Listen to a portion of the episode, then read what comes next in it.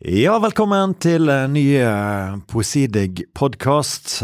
Og i dag har vi med oss en eh, ung fyr her på andre siden av bordet. Vi har med oss Fredrik Hagen. Fredrik Hagen, spør du kanskje, hvem er det? Og det er altså en fireboksforfatter her eh, fra Bergen, ute på Flamme forlag. Altså Viljen til å utforske grensetaktene mellom poesien og prosa har vært sterk i ung norsk litteratur de siste årene, og Hagen har vært en av de djerveste utforskerne, etter min mening. Relasjoner står i sentrum i en nesten dagbokaktig notisform som fremhever det autentistiske. Tidvis tar det form av listelignende oppramsinger, men hele tiden holder det leseren på tå hev for hva som kommer. Det er en overskridende vilje til stede som tvinger oss inn i stoffet. Fredrik er opprinnelig fra industribyen Odda, men har tatt det bergenske litteraturmiljøet med storm som leder for litteraturarrangementet Lyrikksalong, og gjennom sitt arbeid med ulike fanziner i byens mangfoldige underskog. Og eh, velkommen eh, hit, eh, Fredrik Hagen. Takk for det. Det var, det var en veldig fin introduksjon. Det var det. Det er godt å ha deg Jeg syns det hørtes litt voldsomt ut, men ja. Det er viktig å skryte opp eh, folk i begynnelsen av ja, Nei da, men jeg har, jeg har sittet med bøkene dine igjen, og det har vært eh, en uh, utrolig glede å, å, lese gjennom. De har kommet så fort. Det har kommet fire bøker på fem år der. Du debuterer i 2017. Mm. Jeg kjenner fireboksforfattere som debuterte på 90-tallet. men du har kommet med fire på rappen.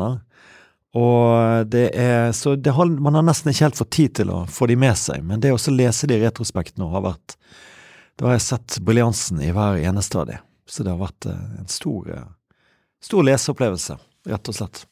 Takk for det. Det, det, jo, altså, det er mange grunner til at det har blitt såpass, eh, såpass mange bøker såpass kort. Og, eh, noe av det handler om at rett og slett at en vil liksom eh, bevise for seg sjøl at dette er noe som en, som en kan gjøre, og at en får til. og at det Eh, ikke, det er ikke noe som en bare gjorde én gang. og så får en ikke Jeg var livredd for det når jeg ga ut den første boka mi. At den skulle eh, være tom etterpå og ikke få det til igjen. på en måte. Og så, så jeg måtte bare Så jeg var nødt, til, var nødt til å gjøre det en gang til. Over, halvpart, fått, over, halvparten av debutantene kommer aldri med sin bok nummer to. Så det er en helt reell frykt. Ja, og det, og det, det skjønner jeg veldig godt. Og jeg tror hvis en hadde venta for lenge mm. eh, så jeg, når jeg var, I hvert fall var det sånn med de tre første bøkene mine. Da jeg var ferdig med den ene, så begynte jeg med en gang på den neste. altså i, i, i, Nesten i frykt for at en skulle miste det. At en skulle miste driven sin. ja. eh, nå har jeg nok litt mer sjøltillit på at den, det kommer, da. Men, eh, men jeg veit jo aldri når forfatterskapet er slutt. altså Plutselig så, mm. så er det tomt for bøker. Det tror jeg, da. Det tror jeg at kan skje. Men, eh, mm. Eh, men det har ikke skjedd ennå, da. Vi skal ikke se så langt fremover uh, i denne samtalen nødvendigvis, uh, til din, din, slutten på ditt forfatterskap. Ja, det kan være slutt nå, men jeg, ja. Mm. vet, ja. Men uh, vi skal ta deg tilbake til debuten, men, men, det er jo mye som skjer før debuten. og, og, sånn, Men jeg vil at folk skal få høre din måte å skrive på. Så, som jeg var inne på i introduksjonen, så er jo det en, en form som jeg syns er, er uhyre Uh, fruktbare. Uh, så, så, jeg vil gjerne at du skal lese noe uh, Kanskje du kan ta oss tilbake til, til debuten din, helt tilbake i 2017? Ja, det, det, altså, noe lenge siden jeg har lest fra denne boka. her, Det var litt, både litt fint og litt rart å ta den opp igjen. jeg tenker jo at det er noen ting her som jeg, som jeg har tatt med meg videre i fatskapet, og så noen ting som eh, som har forsvunnet ut på et vis. Men eh, akkurat det partiet jeg skal lese her, det, det tenker jeg er litt kanskje det som er bygd videre på da, fra den første boka. Mm. Det fins et svart hull inni deg. Ikke som de svarte hullene i verdensrommet, som suger til seg alt som kommer nær de, og ødelegger det. Men som et hull i en tann. Umerkelig mesteparten av tida men noen ganger blir smerten likevel så overveldende at en må trykke hendene rundt kjeven for å prøve å presse det bort. Presse bort den lille råtne biten av deg sjøl. Og det svarte hullet i deg er vondest når du plutselig tenker på den ene bilulykka du har vært vitne til. Og du var sikker på at hun som hadde krasja, var død, ansiktet most mot baksida av en trailer Da du stoppa trafikken og ringte sykebilen, prøvde du å snakke med den døde kroppen hennes. Den døde kroppen hennes sa ingenting, og blodet mellom fingrene dine, det varme blodet hennes mellom fingrene dine, du ble frista til å stikke fingrene i munnen. Og noen måtte vaske det knuste ansiktet hennes. Noen måtte tørke bort blodet og plukke ut de løse kjøttbitene finne en kjole i klesskapet hennes og kle på den døde kroppen. Og du prøver å huske om øynene var sprukket. Da du var liten, pleide du å skjære i stykker fiskehodene på torskene som far din dro opp i båten. Du husker de harde og blanke linsene inni øynene. Og det er lett å dø og hjernen er ikke et organ, det er en hånd som griper etter andre hender som griper. Hjernen er ikke et organ, det er en grop som synker innover i kroppen, som en dypvannsbor gjennom en hard steinmasse. Og hjernen er mjuk, dør, kropp, dør kroppen din, dør du òg. Og da du var liten, hadde du vortete fingre, og i søvne løfta du hendene mot ansiktet og tygga på de harde hudklumpene i, og tygga de harde hudklumpene i stykker. Da du våkna og så de blodige lakenene, krølla du de sammen og la de i skittentøyskurven. Du skamma deg over de stygge hendene dine, lærte å snakke med hendene i lomma uten å gestikulere. Mm. Tusen takk, Fredrik. Um det er alltid en glede å høre deg lese. Du har, du har en lang fartstid på scener i Bergen med, bak mikrofoner. Eh, det vi hørte i begynnelsen her, det var jo en, eh, en et jeg blir eh, Observerer en trafikkulykke da, som gjør, gjør inntrykk på, på jeget. Og, og, når man leser anmeldelsen av denne boken, så står det denne trafikkulykken som er navet i Og forlaget også selger det inn som en, sånn, som en sånn ting, men dette er jo bare en bitte liten episode midt i, midt i boken din. Men den, den, den, ble på en måte definerende for, for, hva du hadde Historien om hva du hadde skrevet. Ja, altså det er jo eh, Altså Jeg skal ikke si at det ikke er legitim lesning, på en måte. Selv om det ikke, når jeg skrev den, så var, tenkte jeg ikke at det var at det var det sentrale bildet eller den sentrale hendelsen. Den er, eh, for meg er jo den boka først og fremst et slags kjærlighetsbok, kanskje. Og så er den veldig sånn episodisk og handler om uh, uh, egentlig en, en, masse ulike typer relasjoner, da, først og mm. fremst. Uh, og, sånn, så det, og den teksten her handler for meg da går opp i det at den handler om ens egen relasjon med, med at en skal dø, og at kroppen er forgjengelig. og på dette her. da. Det er det som er det viktigste med den. Men, eh, men det er klart at det viser det, Altså, det er mye en lærer når en debuterer. Og eh, en av de tingene er hvordan eh, Sånn som her, den lesningen som var først, på en måte, som var forlaget sin tekst til boka, mm. Den, mm. Den, den, blir med å definere boka. da. Så den, mm. eh, og det har jo ikke gjort meg noe, egentlig, si det sånn da, men, men, det er jo interessant å observere, og så er det noe som jeg blir bevisst på seinere. Mm. Eh, og så tenker jeg også som leser at en eh, når en kommer til bøker som en har lest om før en leser dem, så må en òg være bevisst på å prøve å prøve, å ikke, og ikke ha med seg altfor mye bagasje inn. For det, det, eh, det, kan være, Jeg tror dette kan være en annen bok hvis en leser den på en, på en annen måte. da, men eh, mm. ja. ja. jeg leste den eh, på nytt nå uten den, uten å ha lest forlagsteksten, og det var en, det var en bedre lesning for meg.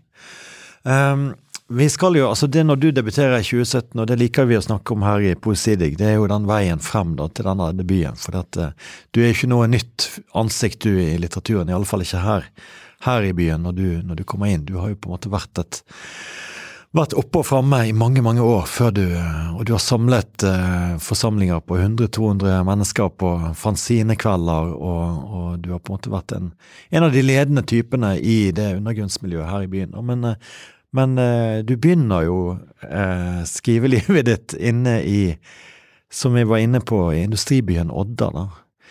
Frode Guttens by, Marit Eikemos by, Lars Ove Seljestads by. Det er noen svære giganter der, og så, så er det en liten eh, guttegjeng der som begynner å spille gitar. Kan du, kan du ta oss uh, Altså for, for, meg, altså det er jo for de som kommer utenfra, at det er Frode Guttens by, og dette er Marit Eikemos by. og for, for, for, oss som var der, så er jo det Eh, så det er veldig åpenbart på en måte at det, at det er deres, og det er én inngang til, til, byen. Og som eh, Nå vet jeg ikke hvor mange år det er mellom meg og Frode, men det er noe Ingen vet. det er noe, det er noe en del, altså. Det, altså min, min, jeg har jo øh, vokst opp i et helt annet Odda enn han. da. Mm. Eh, så Kan du fortelle litt om det? Du, altså, dette bandet du, du setter i gang. Altså, for det er der du begynner å skrive. Du begynner litt sånn som når vi snakket med Fredrik Høie. Han også begynte litt sånn på musikkbiten.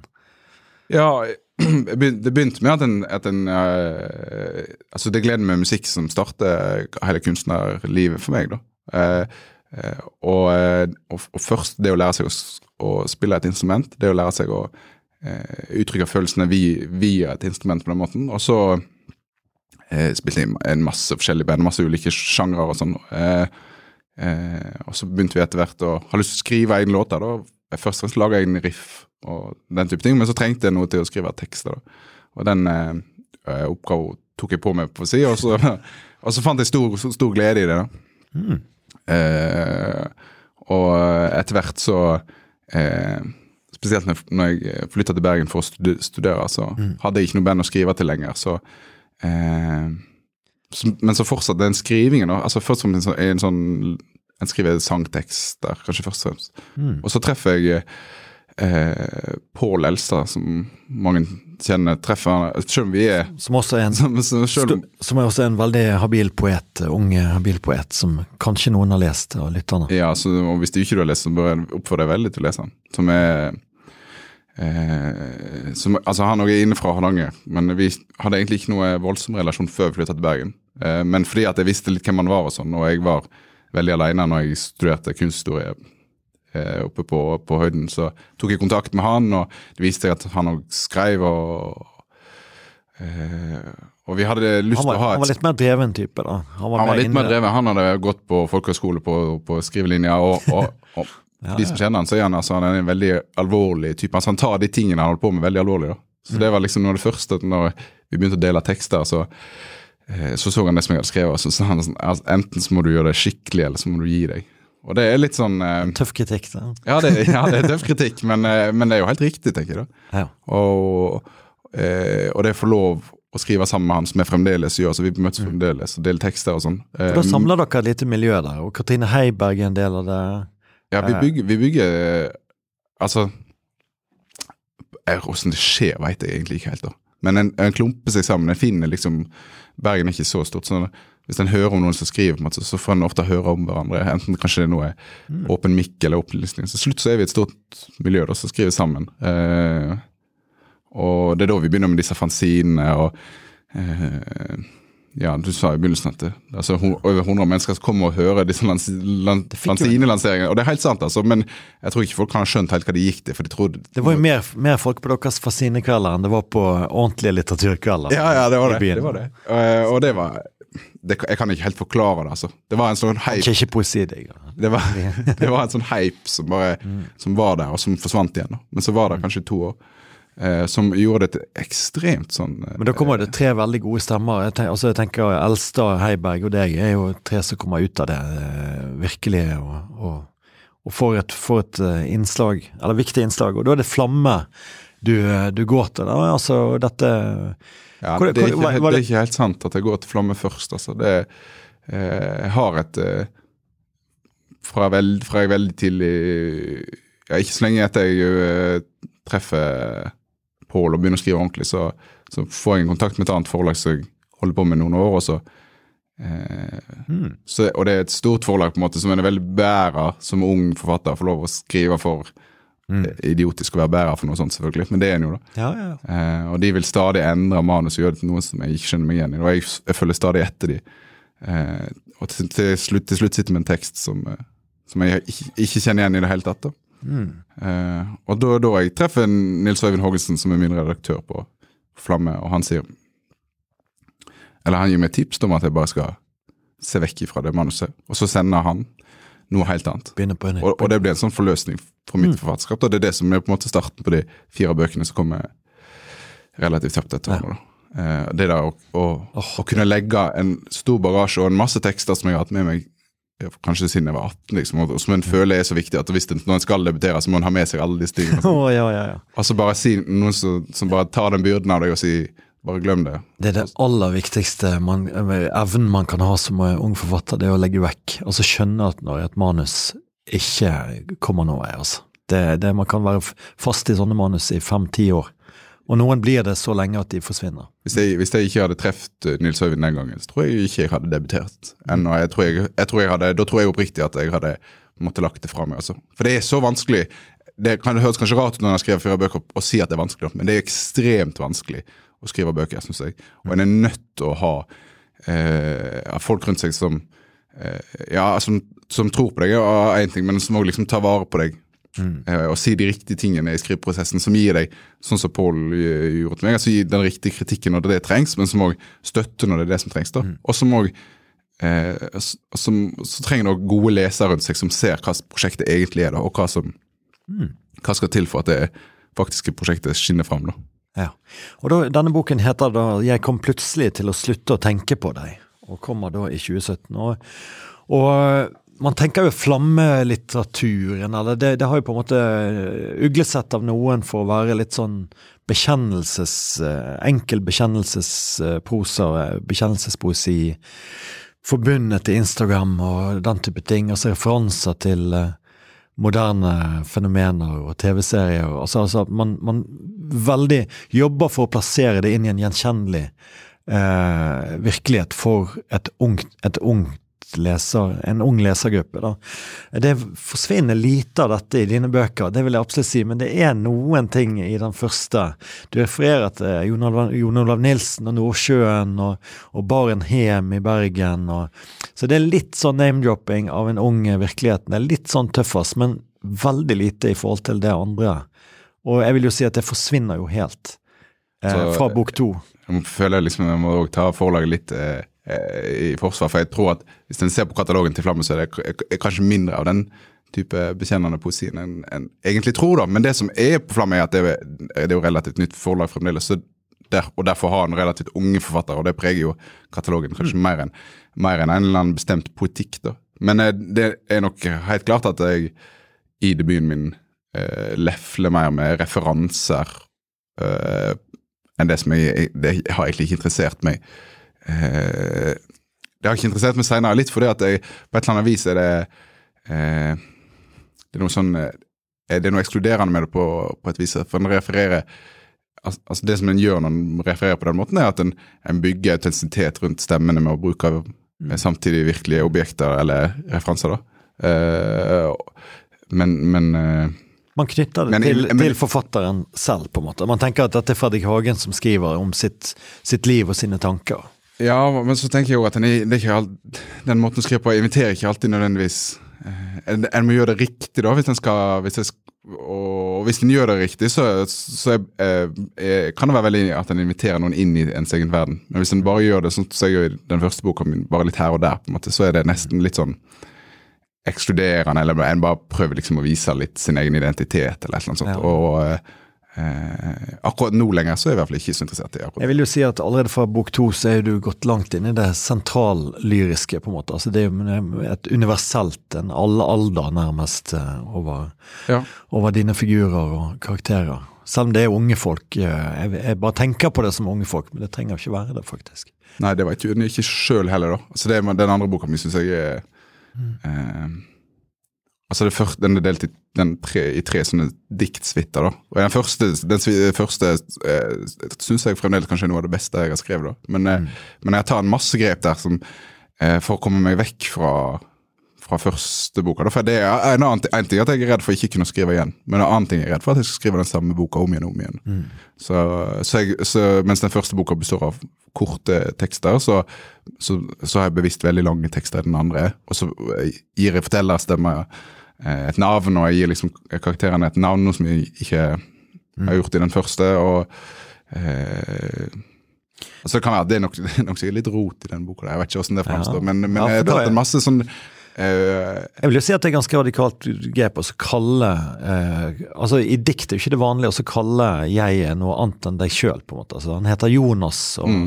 han tenker på en som heter Noah. Og, altså, altså, det er jo virkelig Det er jo veldig mye romantrekk ja det, ja, det er det. Men det er uh, Det er jo noe som jeg hele tida har eksperimentert med. på en måte, Å se eh, hvor langt kan en trekke det mot prosaen før det eh, Og jeg, jeg, vil jo ikke jeg vil jo ikke si at jeg skriver knekkprosa. Det, det er liksom ikke, for det, Hvis en skriver knekkprosa, i mitt hode, så går en andre veien. Da Da går en mot prosaen og nærmer seg eh, diktet sin form. da. Men det, som jeg, det er alltid diktet som utgangspunktet for meg. Og så prøver jeg å eh, eh, Altså, hvor, hvor fine tråder kan jeg sy mellom tekstene? på en måte, hvor, eh, Og få det De kan egentlig lese som slags romaner, og det jeg vet jeg at enkelte gjør. og det det, det syns jeg bare er fint. altså. Jeg Men det, jeg jeg syns du, liksom er, du er en av de som virkelig eh, lager, eh, har et godt prosjekt eh, innenfor dette. Det fins mye dårlig innenfor den, eh, den altså Når lyrikken prøver å utforske og bruke prosaen. Jeg, jeg vil si at du er en av de som lykkes, da, og, og bør ses på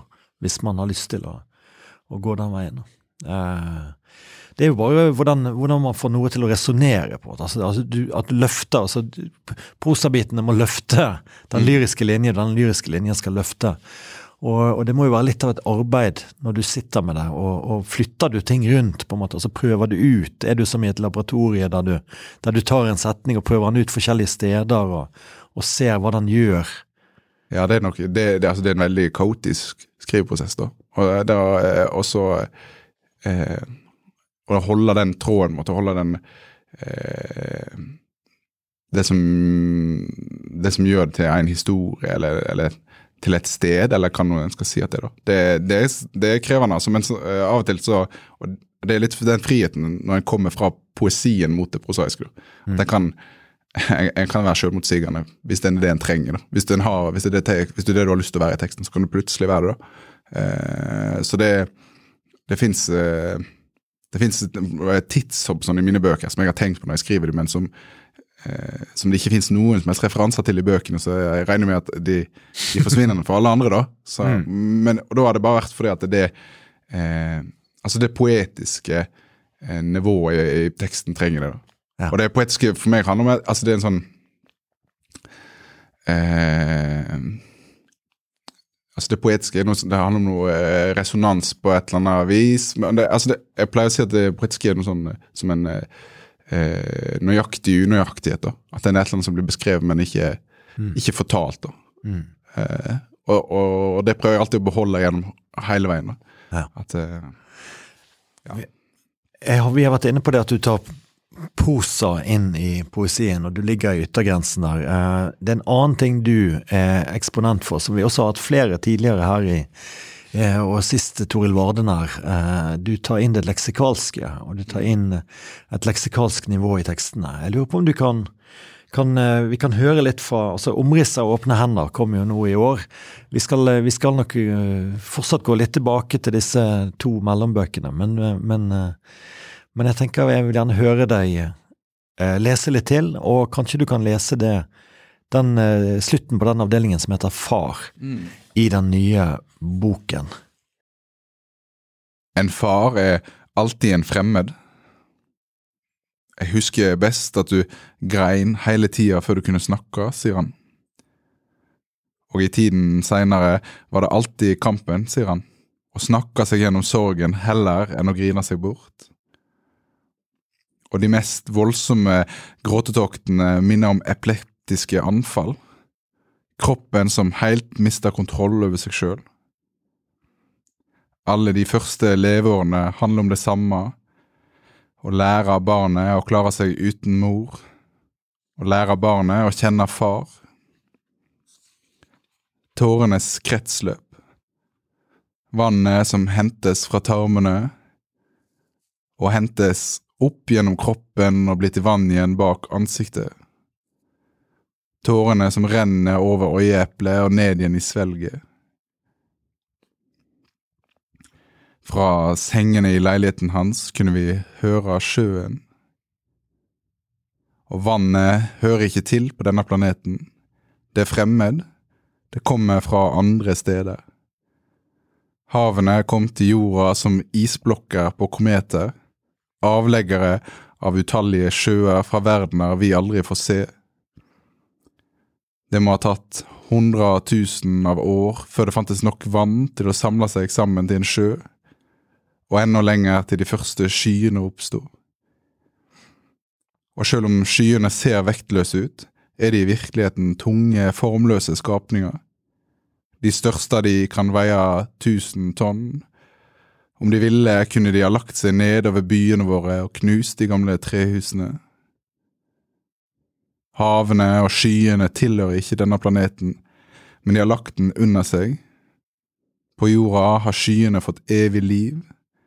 Når de blir gamle og ikke orker mer, løser de seg opp og renner over marka. Når de er uthvilt, stiger de opp fra havene i nye kropper og lar seg farge av rosa og lilla av kveldssolen.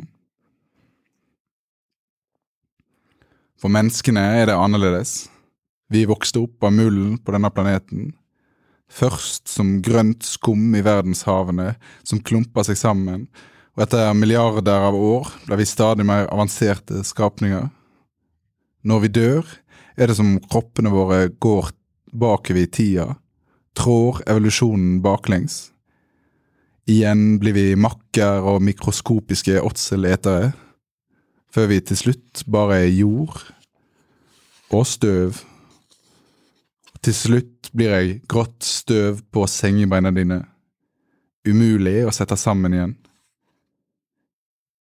Og den hukommelsen som homopatene mener at vann har, at hvert vannmolekyl husker alle stoffer det har delt væskeform med, den samme hukommelsen har kroppene våre.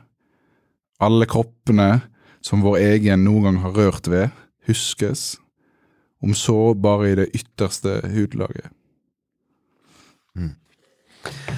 Det, det er veldig, veldig fint eh, å høre på. Og her, her, eksemplifiserer jo det på en måte litt av det jeg tenker på uh, rundt din skriving. Altså dette, dette lagvise oppbyggingen.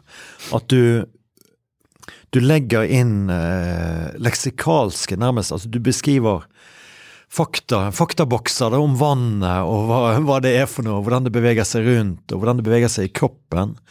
Uh, men her setter du først tonen med noe følelsesmessig. Altså det er en far, det er, en, det er et minne uh, om, en, om, en, far. Altså du skriver 'Jeg husker at du gråt hele tiden'. Og Denne gråten blir en fortelling om tåren. Hva er en tåre? Hvor kommer tåren fra? Og neste, hvor, hvor, hvor er vannet resten av verden? på en måte. Du, du zoomer ut, på en måte. da. Uh, og så er du plutselig der igjen. Jeg hørte at du var nede med sjøen, eller mm. uh, Så du binder oss inn igjen til den følelsesmessig, og så sender du oss ut igjennom i homopatien og vannets minne.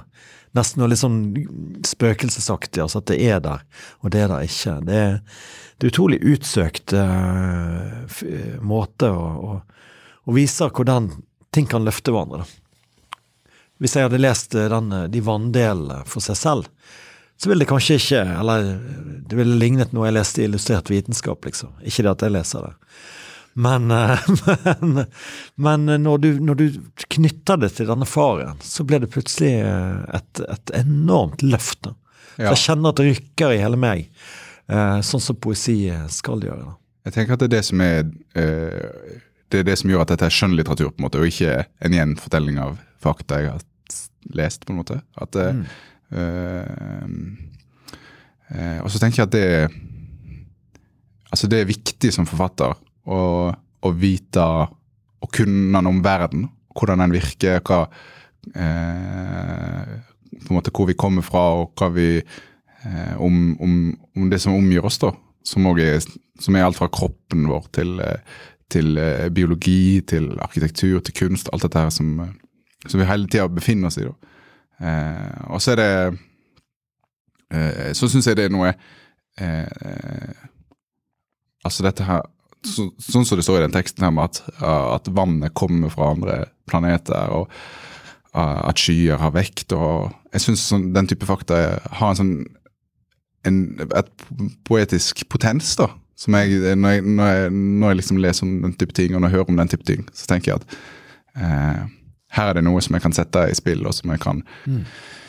Det er noe jeg henter ut fra eh, hvis, jeg, hvis, jeg, gjør det riktig på en måte i en tekst. da. Eh, så det så jeg, jeg, Ja. Ja, nei, det, er vel eh, kritikeren og poeten Sindre Ekheim som kalte det kunnskapstekster, eh, rett og slett. Og, og jeg tenker ofte når jeg, hvis jeg underviser skriving, så, så, er det litt det motsatte. Jeg ofte ber folk gjøre det. Du må spørre. Liksom, du, må, du, må, ikke vite for mye. Du må ikke være han der på nachspielet med alle som skal fortelle deg om, eh, om alt mulig. Det, det, er kjedelig, men, men, det blir ikke kjedelig når du gjør det. For det, det blir de der løftene, da. Som, det der nachspiel-figuren er, er jo det verste marerittet, på en måte. Det, det, jeg, sitter alltid, jeg sitter alltid på kanten på en måte, og, og må passe på å ikke falle over i det. da. For det, jeg vil jo liksom, det er poenget ikke å fortelle fakta om verden for, sånn at for at leseren skal lære noe om verden. på en måte. Det er ikke det som er poenget. Poenget er den eh, poetiske eh, leseropplevelsen, og som har noe med altså, underliggjøringen av verden, kanskje, som poesien kan, eh, eh kan bidra med. Og eh, eh, tenker at kanskje en sånn tekst som dette òg er med på, på å, å, sette det helt intime og nære i spill med, med, med resten av verden, som vi jo tross alt henger sammen med. sant? Altså eh, våre egne sosiale relasjoner og bare de fysiske tingene i kroppen vår, sånn som så, sånn så tårene våre henger, altså Alt henger sammen med, med resten av verden. Så det eh, men altså, når du skriver sånne Jeg må bare spørre, da. Disse faktatingene du forteller. Altså. Et, et annet sted står det f.eks. om at de første nervesystemene oppsto i egglederne til glassmaneter. De første signalene var enkle. Huden revner, kroppen holder på å gå i stykker. Det er utrolig vakre bilder. Da. Det er helt sånn wow! Altså det, bare, det er så visuelt nydelige fortalte fakta, men, men altså, stemmer det? Altså, Har du hold i disse tingene? Altså, begynt, Oppstår de første nervesystemene i glassmaneter? Altså, eh, ja, altså det, det vet jeg ikke, men det, det oppstår iallfall i, i enkle livsformer. da. Eh, og jeg, jeg, jeg, tenker at jeg syns det er fint å plassere det i glassmaneter, for det er en sånn fantastisk underlig skapning. Så du tar en liten spansk? Ah, nei, altså ikke nødvendigvis det, men det, det er jo umulig å vite. altså... Et sted eh, står det at, at, at eh, øynene oppsto før hjernen i de tidlige, tidlige ja, det, organismene og sånn. Altså, altså, kom. Ja, det, det, det er en faktisk mye mer eh, sikker på, da. Eller biolog, de som kan dette. Dette er jo ikke mitt fag, på en måte. Så man Men, så ting uten å ha peiling, uten å kunne sette det sammen i det hele tatt? Eh, ja, altså måten Det er jo ikke noe naturgitt på en måte at, at, at syn skal være en sans. da. Altså syn, Du kan tenke at eh, Grunnen til at en spekulerer i at øynene går først, er fordi at synscellene er enklere enn hjernecellene. De fungerer enklere. så Sannsynligheten for at de kom først, er, er stor. og så kunne det fungere på samme måte som du kan kjenne noe varmt, på en måte, så kan en synscelle se om det er noe lyst eller mørkt. da. Uten at du trenger altså den moderne forståelsen av hva et syn er for å, for å forstå det. Og så har mm, mest sannsynlig da hjernen eh, utvikla seg i takt med at synscellene har blitt flere og mer avanserte. Da, så har trengte trengt liksom et sorteringssystem. da. Mm. Eh, og så er jo det store spørsmålet hvordan går en fra det sorteringssystemet til en, til en be bevissthet. Da. Det vet en jo ikke. Og det samme med, med altså ner eh, nervene våre. Jeg er jo laga for å komme seg unna fare. Sant? Så det med at eh, kroppen eh, går i stykker, på en måte, er nok mest sannsynlig de første, altså Smerten er nok mest sannsynlig den første eh, følelsen som noe skapning mm. kjente på. da, Rett og slett fordi den mest, det er mye mer nyttig eh, som en enkel sjøvesen å føle smerte enn å føle glede eller føle kjærlighet. på en måte. Det, det, det, å, det å vite at en, at en blir angrepet og kommer seg vekk, på en måte, det er utgangspunktet for alle de andre følelsene sånn, I dette biologiske perspektivet, da, som er bare ett et av mange perspektiver. Som oftest i sjøen vil jeg tro at når du først føler smerten, da er du ferdig. Altså det, det, det, ja, det skulle, du et halvt sekund igjen å leve. Det, det skulle en jo tro, da, men da hadde jo eh, da hadde ikke dette systemet fått lov å utvikle seg videre. da. Så det at, eh, eh, altså, det at vi har et såpass eh, avansert følelsesliv som vi tross alt har i dag, er jo en effekt av at det, eh, at det virker og at det hjelper oss Ellers hadde, ellers hadde, det forsvunnet ut. Det er jo på en måte logikken i, i naturvitenskapen. Ja. Eh, så de som, eh, de som kunne føle smerte, er jo de som har overlevd. Og de som ikke kunne føle smerte, er de som er døde. Altså, så selv om eh, du kan si at det er nytteløst, at det er for seint, så, så, har det jo ikke vært det. da. Så vi alle vet etterkommerne av de første smertefullene. Så det Kanskje det er derfor vi vil utsette oss for poesi? da. Kjenne litt, kjenne litt smerte og lære oss litt uh, ja, det, ja, det, ja, for meg er det først og fremst en glede å lese og skrive poesi, selv om den er ganske perioder ganske mørk i, i mine tekster. da, så jeg vil ikke det, bare si litt, eh, litt mørk, du er jo ekstremt mørk i, i mye av det du skriver. Da. Jeg syns jo det er en, det er en bunnløs dystopi i mye av det. da, altså Det er, det er katastrofetenkning. og altså du, du har eh, eksempler på ja, du har jo eh, altså, sitater eh, som går på liksom at ja, kanskje menneskene like godt kan utryddes, at det vil være bedre eh, for oss uten det. Altså, la ozonlaget sprekke, la klokkene stoppe, la menneskene sovne og aldri våkne. Uh, så er du, er du så mørk, Fredrik? Er det, er det dette du går av? Eller er det, er det på en måte en naturlig sted for poesien å begynne. Altså å, tenke seg en, en, utslettelse, tenke seg et, et ingenting, et ikke. Jeg, jeg tenker at uh, først og fremst uh, så er vi i, i vårt samfunn uh, veldig redd for å være alvorlige, da, egentlig. At vi er At vi vil helst liksom at ting skal være overfladisk, gå liksom, at, ting skal være bra, da. At ting skal, ting skal være på overflaten og lett. Og, og hvis, det, hvis, det, er noe tøft, så skal en snakke ut om det, og så skal en komme over det. på en måte. Eh, men litteraturen, akkurat sånn som musikken òg var for meg, har, alltid vært liksom et, et, sted der en kan ta på alvor eh, ja, jeg, jeg, jeg, egentlig bare ta livet på alvor, da. Som ofte, fordi at vi er så uvant med det, så fremstår det veldig eh, mørkt. da. Eh, jeg tenker at Det er litt sånn urettferdig å dra de sitatene ut fra, fra kontekst. De står jo i større eh, altså den, den, siste boka mi har, har, en masse sånne kapitler som er om altså de er om ulike deler av kroppen. først og fremst. Mm. Eh, og, og, og, det der det utforsker jo sorg, på en måte, det kapitlet der. da. Eh, mm. eh, og eh, ja, en står ikke det, det, altså det, det, må ikke leses som et ønske om at menneskeheten skal bli utrydda, på en måte.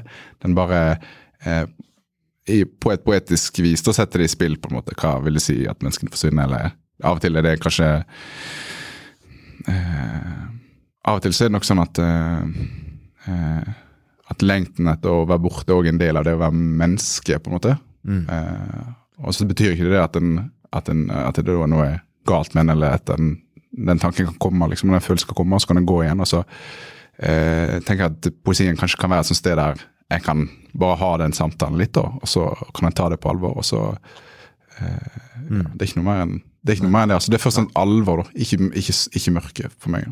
Mm. Um, du var inne på strukturen i boken er jo nesten, det har nesten en essayistisk preg, fordi at, fordi at du skriver eh, De ulike kapitlene heter altså om uh, vi har eh, om hærene. vi har eh, om språkene, om nettene osv. Og, og så, så, så, utforsker du de ulike begrepene. Mm. vil du si litt om det? Altså hvordan du, du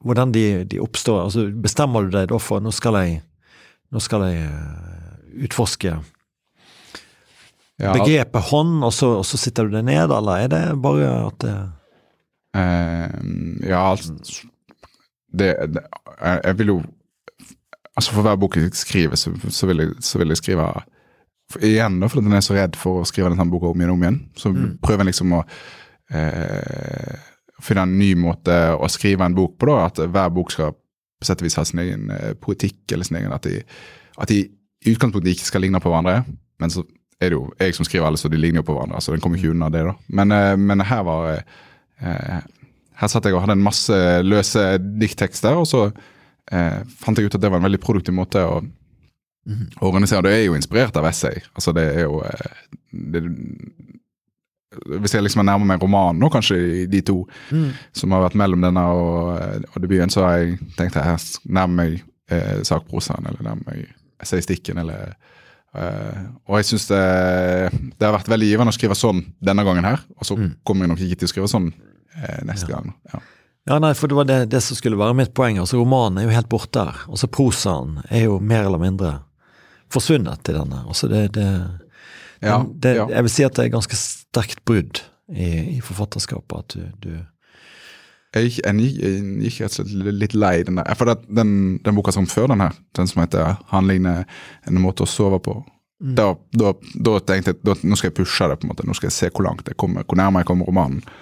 og så gjorde jeg det, og så, eh, så hadde jeg ikke noe behov for å utforske det videre. For nå vet jeg på en måte Eller jeg hadde gjort det en gang for min egen del. Eh, og så for å gjøre noe nytt, så måtte jeg gå et annet sted. da.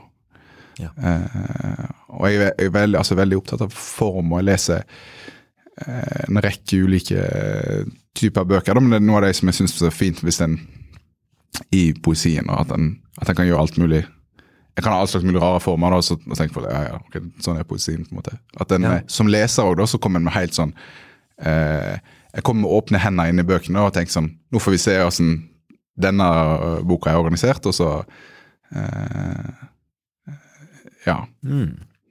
Sånn så uh, Louis Glick, for eksempel, nobelprisvinneren, har den boka som nå kom på norsk som heter Viljeris der det er masse blomster som snakker, og, og masse ulike stemmer sånn som bare ikke hadde noen hadde gått med på i en roman, på en måte, men i en diktsamling så er det Så kjøper vi det, da, og så, og så har vi ikke de sperrene når vi leser.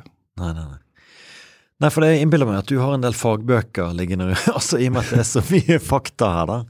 Eh, og, og liksom Altså kroppens fysiognomi, og det må jo være bøker om, om ting som, som omhandler disse tingene. Vil du Altså, du nevnte en bok som var viktig for deg i eh, å lese eh, i forbindelse med at du skrev din siste bok. Eh, eh, jeg finner ikke den i notatene mine, men, eh, men du husker det nok. Ja, det, altså, det er iallfall den som jeg har nevnt tidligere, den som heter Medieval Bodies. Ja, Som jeg burde ja. selvfølgelig huske Medieval eh, forfatteren på.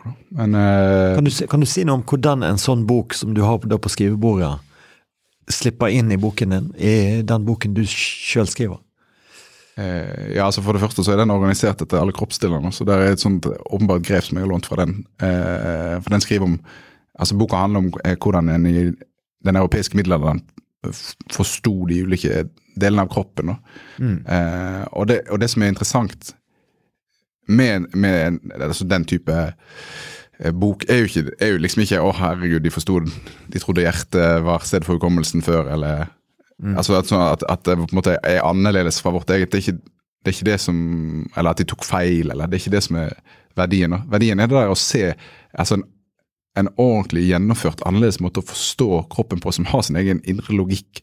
Eh, som fungerer. Altså En blir litt sånn, i hvert fall blir jeg litt, litt eh, ydmyk eh, overfor vår egen måte å forstå verden òg, når, når en ser liksom hvor, eh, hvor avanserte måter en tidligere har forstått verden på, eh, som er helt annerledes fra, fra vår egen. Altså eh, middelalderens måte eh, å forstå kroppen på handler først og fremst om at væsker skal være i balanse. Sånn. Og og, og så kan en forklare alt mulig ut ifra den teorien. altså eh, Alt fra depresjon og kreft og svangerskap og forskjell på menn og kvinner. Alt kan en forklare ut fra For mye galle og ja, re rett og slett. da. Og eh, eh, akkurat som, som det er best å så i jord når den er litt kald, så, blir, så, er- så forklarer en kvinners eh, annerledeshet fra menn med at de er litt kaldere enn menn, og de har andre altså, altså, det, er mye, altså, det er selvfølgelig mye som en kan le av òg, men, eh, men også, og, eh, Men det er en underliggjøring. Ja, det- det er det, Altså, ja. altså, du, Ja, også det der å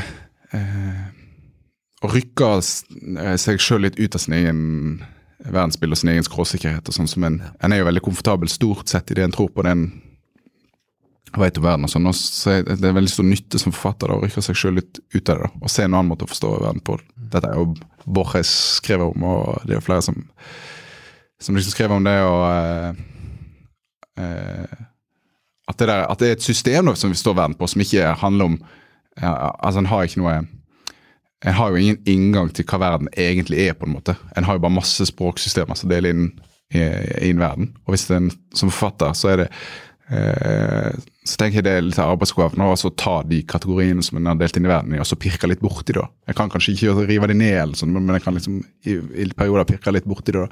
Enten det er liksom hva er et kjærlighetsforhold, eller eh, hva er hen, eller eh, Altså alle gode forfattere eh, driver med den type arbeid, eh, tenker jeg da, ut, om de er bevisst eller ikke. da, At en, at en driver liksom og forskyver litt eh, våre, hvordan vi forstår ting. da. Ja. Ja. Så, og, og for meg er det altså det kan godt virke litt sånn skjematisk å lese en bok og så rykke seg sjøl ut, men, men det er litt sånn eh, Jeg, jeg fordi at en har den angsten for at en ikke skal skrive lenger, så må en også være veldig bevisst på hva som fungerer og ikke fungerer for sin egen skriving. Mm. Så det er liksom å bevisst sette meg inn eh, i en annen type litteratur, det vet jeg er noe som trigger skriving hos meg. da. Så da gjør jeg det.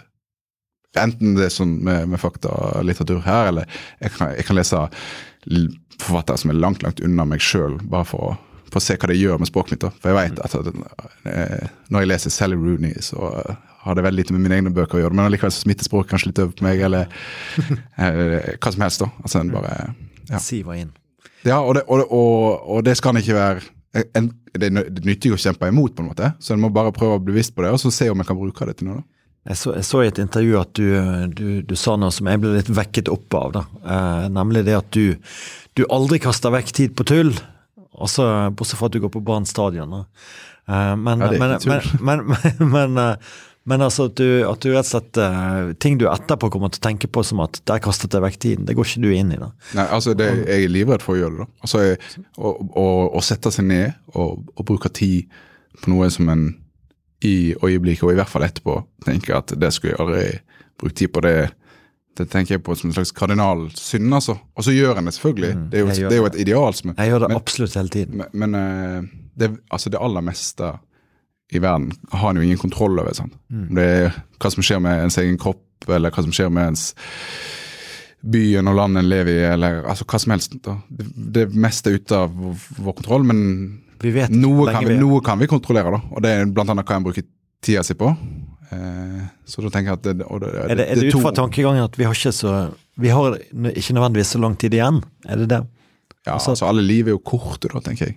Eh, I, i, det egentlige perspektivet. Men eh, det handler jo altså det, handler om, det er ikke det at du alltid liksom skal gjøre kjempetunge, avanserte ting, da. Men når du ikke gjør det, så bør du i hvert fall sette pris på, på de vanlige tingene òg. Altså en kjører bil eh, eh, at, en, at, en, at en kan sette pris på den kjører bil en, en tur, da, hvis en må det, liksom. Altså at prøve, å- prøve, å- prøve å eh, ta livet eh, på alvor, da, for det er jo en gave og alt dette her. Bla, bla, bla. bla. Det høres jo litt sånn religiøs ut, det er jo ikke, det, Men eh, Du er en generasjon som ikke greier å la være å si bla, bla, bla ja, det er jo etter den setningen. Men det, det er fint. men eh, men eh, hvordan tror du det går videre nå? Får vi altså Altså, når vi snakkes igjen i 2040, har du da skrevet eh, 20 bøker til, eller? Altså, er det, er det Er dette ditt tempo, på en måte? Er det, er det er dette Fredrik Hagen sitt forfatterskap som at det skal gå så fort. ja, at, eller er det, kommer det nå til å bli en liksom ti, ti års pause, og så kommer det plutselig noe helt annet, eller hva? hva, Ja, altså, hva det er jo umulig å si, da. Men jeg har eh, det er, altså to-tre år mellom bøkene. Det tenker jeg kan være et naturlig tempo, da. Men eh, Mm. Eh, altså, Ikke at det altså, ville vært noe galt med det. altså Jeg, jeg ser jo det at du har levert fire gode bøker, så det er på fem år. det, ha- det handler jo ikke om å gi ut bøker for å gi ut bøker. da. Det handler jo, eh, det handler jo først og fremst om sin egen skriving. Å Finne en syklus som en skriver godt i sjøl. Så jeg veit ikke. Altså Det eneste jeg vet nå, er at nå skal jeg skrive noe annet. En bok som er annerledes. Mm. Og etter det skal jeg skrive en bok som er annerledes enn den igjen. på en måte. Og det, Hvor lang tid det tar, det vet jeg jo ikke. Eh, og så vet jeg jo at jeg ikke kommer til å få det til, da, for alt blir jo likt til slutt. Det er jo på en måte Det, det kommer jeg ikke unna. Prøve å flykte fra seg sjøl hele tiden. Ja. Og tenk, Nå tenkte jeg at vi kunne kanskje få høre deg lese litt igjen, eh, Fredrik. Så jeg skulle lese i helhet faktisk et av de mindre kapitlene her, som heter Om språkene. Et minne. Jeg sier til den sovende kroppen din at bekkene og elvene alltid renner nedover fordi vannet tilhører de djupeste havene. Jeg sier vi blir trøtt fordi vi tilhører søvnen. Og jeg husker historier om Tsjernobyl, om en ny natur som vokste opp fra den radioaktive jorda trær med blå blader, fisker og dyr med tre eller sju øyne. Som om forvandling var Som om forandring var enkelt. Som om det var så lite som skulle til før denne verden blir til en annen. Bare en liten dytt i en annen retning. Sannheten er selvsagt at Tsjernobyl ikke ligner en fremmed planet, men en ruin. Plutselig forandring fører til ødeleggelse. Det er denne verden eller ingenting. Ordet pusta stammer fra lavtysk og betyr opprinnelig noe sånt som å svulme opp eller utvide seg. Som om det er kroppene uten pust som er de naturlige. Ordet å sove fins i nesten helt like uttalelser i en rekke ulike oldtidsspråk. Først betydde det å bysse i søvn.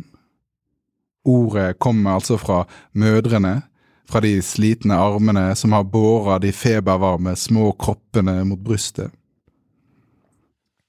Ordet å be betyr å invitere og ønske noen inn. Å be er å håpe at en slipper å være alene. Og uansett om vi passer på å lære barna våre at det heter en hånd, en mage, bølger i håret, så vil alle kroppsdelene en gang få nye navn. Kanskje vil nye språk dele inn kroppen på nytt. Navngi nedstigningen mot navlen. Den tynne huden før den grove håndflata. Den øverste delen av øyelokket som bare er synlig hos de sovende. Tusen hjertelig takk, Fredrik Hagen, og takk for denne lille støen vi har hatt her i Poesidigg podkast. Og, og, jeg kan anbefale disse bøkene på, på, i høyeste grad hvis du vil se verden på en litt annen måte når du er ferdig, for det har iallfall jeg gjort etter å ha vært lest de fire på rappen. Da blir du iallfall ganske svimmel når du går rundt etterpå. Men Ta også lytt til de andre som ligger i katalogen etter hvert. Det er ganske mange forskjellige som berører noen av de samme temaene. Vi vil takke Bergen kommune og Norsk kulturråd for at de har støttet dette her. Og vi takker Andreas Gravdal som stødig har sittet med teknikken. Ha det godt.